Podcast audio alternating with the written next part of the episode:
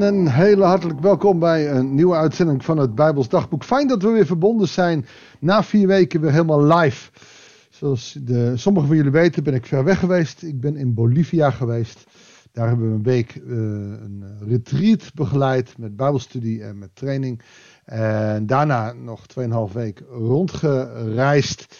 Uh, waarin uh, we mooie dingen hebben gezien. Het is heel bijzonder om zo ver weg te zijn, om mensen te zien die daar in alle dag gewoon ook survivalen. Maar ook een economie die eigenlijk op dit moment heel goed gaat met een corrupte regering. Het was heel bijzonder om daar rond te lopen. Maar ik zal je zeggen, het is ook goed om weer thuis te zijn. En het is ook goed om mijn eigen stille tijd weer op te nemen. En dat met jou te delen via deze podcast. Ik hoop dat voor degenen die nog op vakantie gaan, neem God vooral mee in je rugzak. Zorg dat je met hem bezig blijft. Fijn dat je ook verbonden bent geweest, ook al waren het oude uitzendingen. Nu gaan we weer live. En we komen binnenvallen in een psalm. En niet de minste, namelijk de allerlangste psalm, psalm 119. En ik heb het niet nagekeken, maar in de maand juli, juni zal hij ongetwijfeld aan de beurt zijn geweest. Want we zijn bij deze psalm met vers 65 tot en met 72. En dat is meteen eigenlijk ook een hele mooie bemoediging om aan de gang te gaan, ook in deze tijd. Augustus, ik weet het. Voor mij begint het werkseizoen weer. Voor sommigen van jullie uh, zal uh, vakantie nog moeten beginnen. Maar het is een heel bemoedigend stukje uit deze hele lange psalm. Ik hoop dat je lekker weer betrokken blijft. Ik hoop dat je deze app ook weer delen gaat. Ik hoop dat je zo ook op een goede manier uh, weer met God bezig kan zijn. En dat deze podcast ook voor jou weer, ook dit nieuwe seizoen, dienstbaar mag zijn. Goeiedag, hartelijk welkom bij een nieuwe uitzending van het Bijbels Dagboek. Psalm 119, vers 65 tot en met 72.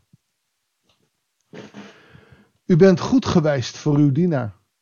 Heer, zoals u hebt beloofd. Leer mij goed oordelen en onderscheiden. Ik heb vertrouwen in u geboden. U bent goed geweest voor uw dienaar. Weet je, mensen met verdriet, pijn en moeite, die zullen dat niet 1, 2, 3 zeggen. En toch is het denk ik goed voor ons om terug te kijken naar wat God in ons leven aan ons gedaan heeft.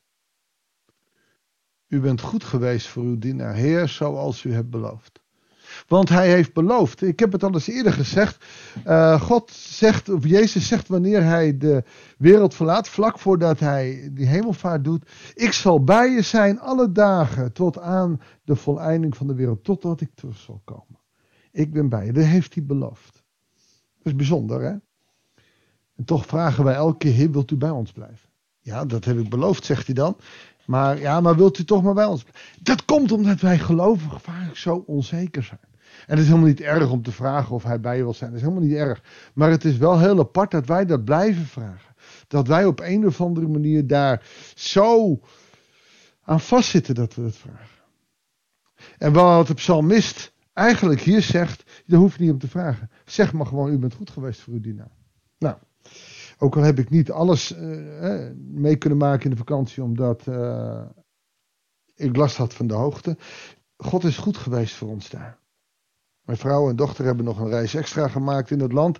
Uh, die heb ik niet meegemaakt. Het is niet erg. God is goed geweest voor ons. Afgelopen seizoen zijn de dingen moeizaam geweest, zijn er best lastige dingen geweest. En toch, God is goed geweest voor ons. Wat de psalmist ons hier leert, ook aan het nieuwe seizoen, is dankbaar te wezen. God is erbij. Begin niet altijd over de dingen die niet gaan. Begin eerst eens met de dingen die wel gaan. God is goed geweest voor mij. En zoals u dat heeft beloofd. En God heeft dat beloofd. Jezus heeft het beloofd. Ik zal met je zijn alle dagen tot aan de volleinding van de wereld. God is goed geweest voor mij. Kun je dat zeggen? En als je psychische problemen hebt, als je ziek bent, als je zorg hebt, dan is dat heel moeilijk. En toch, toch, juist bij degenen die het zo moeilijk hebben, kom ik heel vaak tegen dat God zegt: Ja, maar joh, ik ben bij jou geweest. En dat deze mensen juist dan zeggen: Ja, weet je, ik heb dan kanker, ik ga binnenkort dood, maar God is goed geweest voor mij. Als je midden in het leven staat, dan wil je nog zoveel. Als je met de dood voor ogen is, dan ga je kijken. En dan, en dan blijkt dus dat God ontzettend goed geweest is voor je. En daar mogen we op letten, daar mogen we ook van leren. Leer mij goed oordelen en onderscheiden. Nou, dat is wat wij ook in deze tijd nodig hebben: onderscheidingsvermogen. Wat is van God, wat is niet van God? Wat is goed en wat is niet goed? Het onderscheiden tussen goed en kwaad is niet zomaar iets. Ga maar eens met een aantal medechristenen praten over wat is goed en wat is niet goed. Je komt er niet uit. Want de ene vindt dit, de ander vindt dat. En het enige wat je kan vragen is voor jezelf onderscheidingsvermogen. Zodat jij een patroon ontdekt waarin jij je goed bevoelt en waar je denkt dat God jou ook in zegt. En dan gaat hij meteen terug, ik heb vertrouwen nu geboden. En dat is niet alleen maar de tien geboden, gij zult dit, gij zult dat.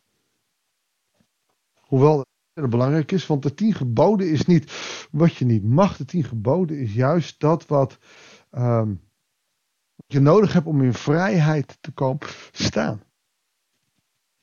De vrijheid is beperkt door uh, regels. En dat is van ontzettend groot belang. Als je geen regels hebt, dan denken heel veel jonge mensen denken, oh, dan heb je ongelimiteerde vrijheid. Dan wordt het een puinhoop. Als je regels hebt, krijg je puin. Uh, nee, geen puinhoop, dan krijg je uh, orde.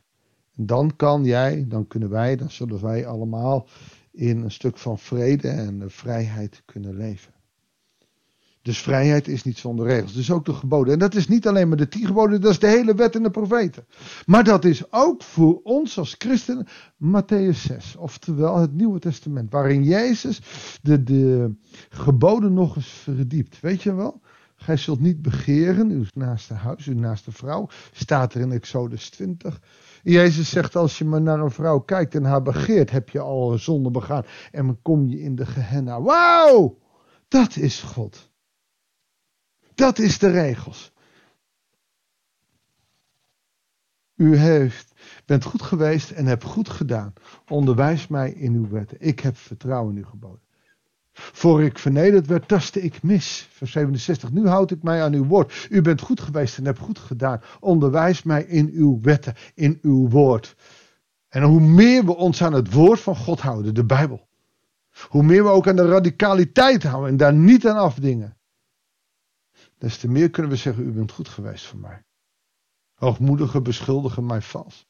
Maar ik volg uw regels met heel mijn hart. Zonder gemoppen. Ah, ja, dat zijn regels, daar wil ik me niet aan houden hoor. Zonder gemoppen.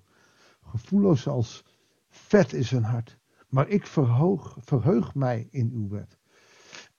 Niet omdat ik zo graag onder de knoet van de wet zit, maar juist omdat ze mij in de vrijheid zetten.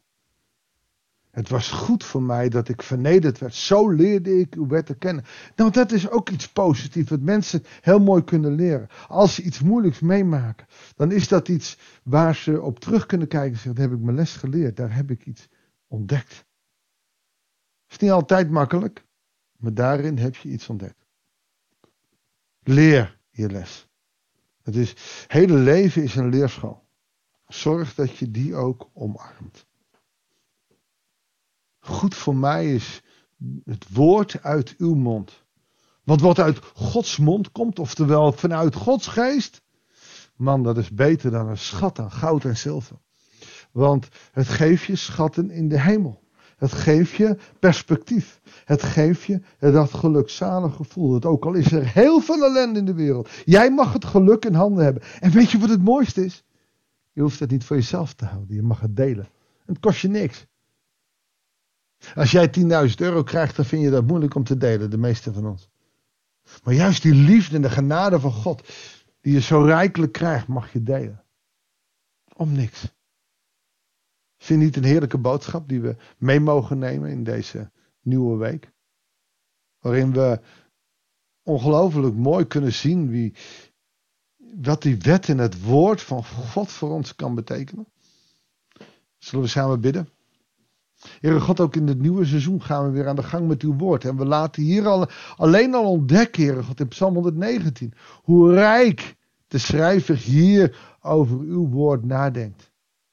Over wat u geeft in de wet, Heere God. En wij zijn gewend dat de wetten zo ongelooflijk moeilijk zijn. En dat de wetten zo zwaar zijn. Omdat wij in het verleden die wet als wettisch hebben geïnterpreteerd, Heere God. Maar dat is niet uw bedoeling. Uw bedoeling is dat wij uw woord als licht in ons leven, een licht op ons pad mogen gebruiken.